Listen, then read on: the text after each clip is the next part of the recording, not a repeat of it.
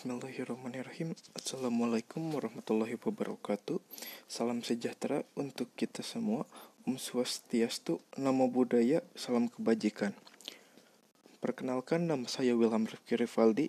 Nomor NPM saya 2055 2011 048 dari kelas teknik informatika 20A dalam pembahasan kali ini, saya akan menyampaikan tentang usability. Sebelumnya, apakah teman-teman ada yang sudah tahu tentang usability? Nah, jika belum, maka saya akan membahas tentang usability. Usability atau kebergunaan adalah suatu istilah yang menunjukkan kemudahan manusia untuk menggunakan suatu alat atau objek buatan manusia lainnya untuk mencapai tujuan tertentu. Usability juga dapat merujuk pada metode pengukuran kebergunaan dan kajian prinsip di balik persepsi efisiensi dan keluasan suatu objek. Dalam interaksi manusia dan komputer, kebergunaan biasanya merujuk pada keluasan dan kejelasan interaksi dengan hasil rancangan suatu program komputer atau situs web. Istilah ini juga sering digunakan dalam konteks produk elektronika konsumen atau pada bidang komunikasi. Secara umum, Tujuan dari peningkatan usability adalah peningkatan pengalaman pengguna dengan tingkat kebergunaan yang tinggi dan pada gilirannya pengalaman pengguna yang baik. Ada beberapa keuntungan potensial yang bisa diraih. Hal ini meliputi yang pertama, meningkatnya efisiensi. Manakala perangkat lunak tidak memenuhi kriteria usability, pengguna akan menghabiskan waktu terlalu banyak atau memahami antar muka, sehingga membuat mereka menjadi kurang efisien dalam bekerja. Yang kedua, meningkatnya produktivitas. Tampilan antar muka yang usable membuat pengguna bisa lebih berkonsentrasi pada pekerjaan mereka alih-alih pada perangkat yang mereka gunakan. Yang ketiga, pelatihan yang lebih sedikit. Manakala sebuah sistem bisa bersesuaian dengan model pekerjaan yang dilakukan manusia, dan perhatian cukup yang telah diberikan terkait apa-apa yang perlu diingat.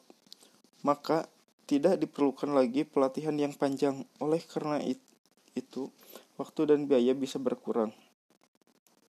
Yang keempat, berkurangnya dukungan produk. Produk yang usable menjadikan masalah yang dialami penggunanya berkurang. Yang kelima, meningkatnya penerimaan. Ketika pengguna menyukai sistemnya karena sifatnya yang usable, mereka akan lebih berkenan dalam menggunakannya. Yang keenam, mengurangi biaya pengembangan. Membuat perubahan sejak awal di daur hidup desain jauh lebih murah daripada membuatnya di akhir. Yang ketujuh, meningkatnya penjualan. Kebergunaan dan sebuah sistem bisa menjadi sebuah daya saing. Unggulan bisa bisa dibandingkan dengan produk-produk lainnya. Lalu ada learn learnability.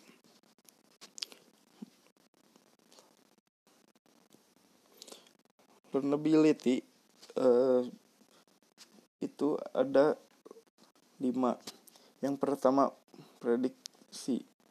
Prinsip ini dapat mendukung untuk mendapat penentuan efek dari suatu berdasarkan catatan interaksi yang pernah dilakukan sebelumnya. Yang kedua ada feedback. Feedback adalah suatu proses di mana sebagian dari output diloloh balikan ke tempat atau ke bagian input. Yang ketiga ada familiarity. Familiarity adalah informasi atau maklumat yang diketahui atau disadari oleh seseorang. Pengetahuan termasuk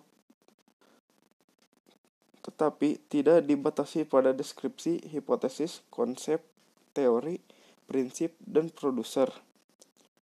Yang keempat ada generalisasi. Adalah suatu proses penalaran yang membentuk kesimpulan secara umum melalui suatu kejadian hal dan sebagainya. Yang kelima atau yang terakhir adalah konsistensi. Konsistensi adalah teori Teori konsisten Teori konsisten merupakan sebuah sematik dengan suatu dengan suatu yang tidak mengandung kontradiksi. Tidak adanya kontradiksi dapat diartikan baik dalam hal semantik atau berhubungan dengan sintaksis. Lalu ada flexibility. Flexibility merupakan keluasan yang dimiliki oleh user atau pengguna untuk memperoleh informasi.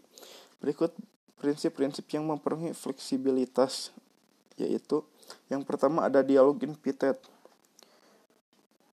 Prinsip ini tidak menghambat pengguna untuk melakukan dialog tanpa adanya batasan prinsip yang terkait dengan ini adalah sistem. Yang kedua ada multithreading.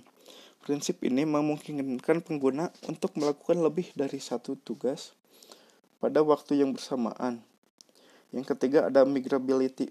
Prinsip ini merupakan kemampuan untuk memindahkan tugas pada, pada entitas yang dapat melakukannya dengan lebih baik. Dan yang terakhir ada customability. Prinsip ini merupakan kemampuan yang dimiliki user untuk merubah interface. Lalu efektivitas. Efektif artinya memberikan hasil pengaruh dan daya guna. Eh, sekian podcast untuk hari ini. Mohon maaf bila ada kesalahan. Wassalamualaikum warahmatullahi wabarakatuh.